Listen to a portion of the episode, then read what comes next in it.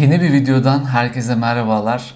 Bugün bu videoda Amerika neden yıllardır dünyanın en güçlü devleti ve Amerika'daki başkanlar neden sadece 8 yıl görev alabiliyor?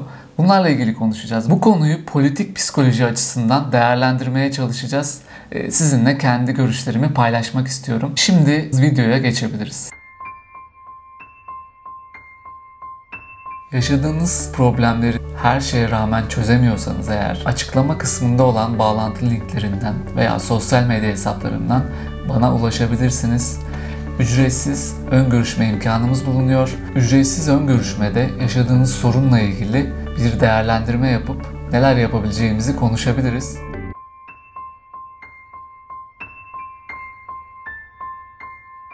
Videonun başında belirttiğim bu videoyu hazırlarken Cemal Tunç Demir'in bir yazısından faydalandım. Ee, bu yazının linkini de videonun açıklama kısmına bırakacağım. Oradan bakabilirsiniz. Biliyorsunuz ki Amerika'da dünyanın en zeki, en yetenekli veya liderlik yönünden en güçlü insanı da olsanız bir başkan en fazla 8 yıl görev alabiliyor. Bu başkanlıkla yönetilen bir ülke için Amerika gibi güçlü bir devletin en güçlü kişisi, en yetkili kişisi için aslında 8 yıl çok uzun bir dönem değil ve e, Amerika'nın bazı başkanları eğer e, iki dönemi tamamlayıp üçüncü dönem aday olsaydı çok kolay başkanlığı kazanabilecek durumdayken anayasanın getirdiği bu hakla üçüncü dönem aday olma şansını kaybediyorlar. İki dönem başkanlık yapan kişinin yani 4 artı 4 iki dönem başkanlık yapan kişinin üçüncü dönem aday olması yasak.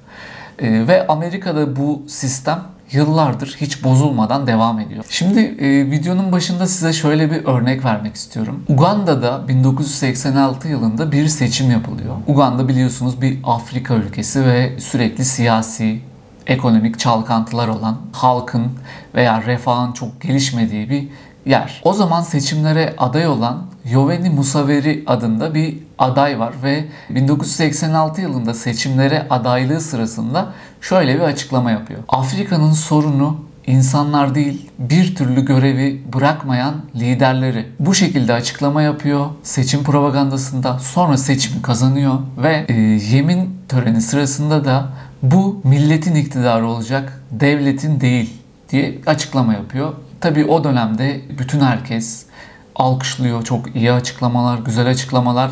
Hatta yabancı devlet başkanları işte Avrupa'daki devlet başkanları da bu kişiyi tebrik ediyorlar. Çünkü aklın yolu bir mantıklı açıklamalar yapıyor. Ve e, bu genç politikacı Afrika'da sadece Afrika'da değil bütün dünyada saygı görmeye başlıyor. Tabi e, devleti yönetmeye başladıktan sonra 2006 yılında kendi getirdiği kuralı değiştirerek sadece iki dönem aday olma şartını esnetip 3 döneme çıkarıyor ve anayasayı değiştiriyor. Ve bu yaptıkları tabii ki dünyadan da tepki çekmeye başlıyor. Bunlara karşılık da dünyaya meydan okuyan lider imajıyla propaganda yapmaya başlıyor. Kendisine muhalif olan kişileri, partileri yalandan bahanelerle hapse atmaya başlıyor. 2006'da 3. dönem tekrar başa geliyor Sonra 2011'de şaibeli bir seçimle, şaibeli sayılabilecek bir seçimle dördüncü kez devlet başkanı oluyor. Ve bu başkan 2016 yılında şaibeli olduğu neredeyse garanti olan seçimde kazandığı cumhurbaşkanlığını hala sürdürmekte ve 2022 yılında yapılacak olan cumhurbaşkanlığı seçimlerinde yine anayasada bir madde var. Bu maddede de 75 yaşının üstündeki kişilerin Cumhurbaşkanı adayı olmasını e, yasaklayan bir madde var. Bu maddeyi de birkaç ay önce değiştirerek 75 yaş sınırını ortadan kaldırdı. Yani muhtemelen 2022 yılında da bu kişi Cumhurbaşkanı seçilmeye devam edecek. Şimdi Amerika'yı konuşurken neden biz Uganda'yı konuşmaya başladık? Çünkü e, bu örneğin aslında ne kadar acı olduğu gerçeğini duymanızı istedim. Yani bir kişi göreve gelirken söylediği cümlelerle, kurduğu kelimelerle veya siyasi düşüncesiyle yıllar içinde geçirdiği zamandan sonra, yaşadıklarından sonra başka birine dönüşebiliyor ve 1986 yılında tam da bu yaptıklarının karşıtı bir söylemle iktidara gelen Uganda Devlet Başkanı 2022 yılında e, muhtemelen tekrar seçimlerde Cumhurbaşkanı olacak. Tabi ülkesindeki işte açlığı, sefaleti bunları konuşmaya gerek yok. Bunların da sebebi aslında e, düşündüğümüzde ortaya çıkıyor. Bu gibi örnekleri çok fazla örnek verebilirim bununla ilgili. Ama biz videoyu çok uzatmamak adına konumuza geri dönmek istiyorum. Konuyu şöyle bağlayalım. Afrika dünyanın en genç nüfusuna sahip kıtası. Ama ne hikmetse dünyanın en yaşlı liderleri bu kıtada bulunuyor. Dünyanın en uzun süre görevde bulunan devlet liderlerinden 7'si Afrika'dan çıkmış durumda. Diğer 3 tanesi de İran'da Hamaney 37 yıl, Kazakistan'da Nazarbayev 34 yıl ve Kamboçya'da Hu Sen adında bir lider. O da 34 yılla dünyanın en fazla görevde kalan liderleri ünvanlarına sahip. Zaten 7 tanesi Afrika'da. Yine 15 tane Afrika ülkesinin liderleri şu an günümüzde 20 yıldır kesintisiz iktidarda. Şimdi bu verdiğim rakamlar, bu söylediklerim bilmiyorum size ne düşündürüyor ama Afrika'nın refah düzeyini, ekonomik düzeyini, işte insan haklarını, özgürlüğü bunları konuşmamıza herhalde gerek yok. Ee, ama burada bir korelasyon var. Yani liderler ne kadar uzun süre görevde kalmaya devam ederse o ülke o kadar geriye gidiyor. Refahı o kadar kayboluyor. Bunu herhalde tartışmaya gerek yok. Ya da bilmiyorum bu söylediklerime muhalefet edebilecek, tersi yönünde bir şeyler söyleyebilecek biri var mı bilmiyorum. Varsa da e, yorumlara yazarsanız sevinirim. Yani orada neden bunun böyle olması gerektiğini açıklayabilecek bir e, yorumunuz varsa, bir fikriniz varsa e, yorumlara yazabilirsiniz. Ben bunları duymak isterim. Peki bu kadar basit ve yalın bir gerçeği bu liderler nasıl sürdürebiliyor?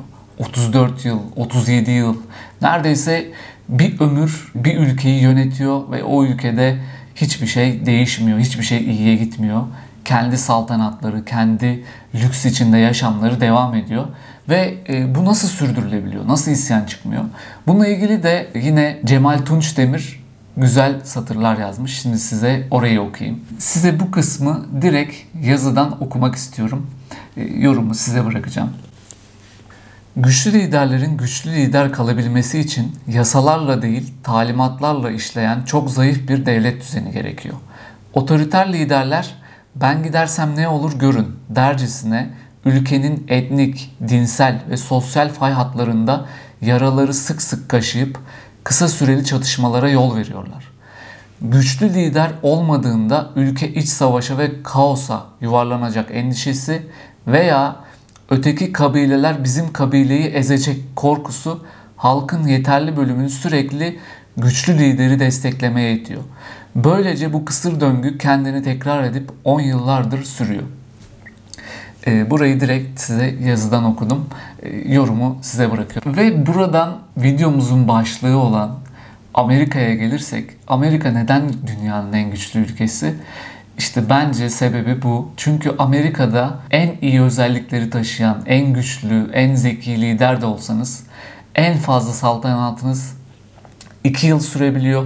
Çünkü orada e, anayasada belirlenmiş temel kurallar var. Size 3. dönem aday olma imkanını vermiyor ve devletin düzeni o kadar kusursuz işliyor ki e, sizin bunu değiştirmeye tenezzül bile etmeniz mümkün olmuyor. E, bu durumda doğal olarak gelen başkanın iki dönem her şeyini verip bütün çabasını iki yıl boyunca tam kapasiteyle verip sonra gitmesini sağlıyor. Bu da yozlaşmayı, nepotizmi, bilmiyorum metal yorgunluğunu, mental yorgunluğunu engelliyor ve sürekli dinamik bir şekilde işleyen bir devlet sistemi olmuş oluyor. Mesela örneğin Amerika'nın İngiltere'den bağımsızlığını kazanmasında da liderlik eden Amerika'nın kurucularından George Washington ülkede herkesin saygısını kazanan kusursuz bir liderdi. Ancak 1800'lü yılları düşündüğümüzde o dönemin e, birçok liderini düşündüğümüzde işte padişahlık, krallık, imparatorluklar döneminde George Washington 8 yıl görev yaptıktan sonra çok fazla burada kaldım diyerek görevi bıraktı. Tekrar aday olmadı. Köyüne döndü. Bakın bu olanlar 1797 yılında oluyor bu olay. E, görevi bırakıp köyüne döndü ve yaşamını orada devam ettirdi. Yani Amerika'nın kurucusu bile 1790'lı yıllarda sadece iki dönem görev yapıp görevi bırakmış ve o tarihten beri Amerika'da 3 dönem 4 dönem görev yapan hiçbir lider yok. Bence e, bu düşünmemiz gereken bir konu. Neden Amerika en güçlü? Hep enlerde yaşayan ülke neden Amerika? E, bunun cevabını burada bulabiliriz diye düşünüyorum. Bu konuyla ilgili söyleyeceklerim şimdilik bu kadar. Umarım bu psikolojinin farklı bir alanı olan politik psikoloji dediğimiz alan ilginizi çekiyordur. Umarım videoları beğeniyorsunuzdur. İzlediğiniz için çok teşekkürler. Gelecek videolarda görüşmek üzere. Kendinize iyi bakın. Hoşçakalın.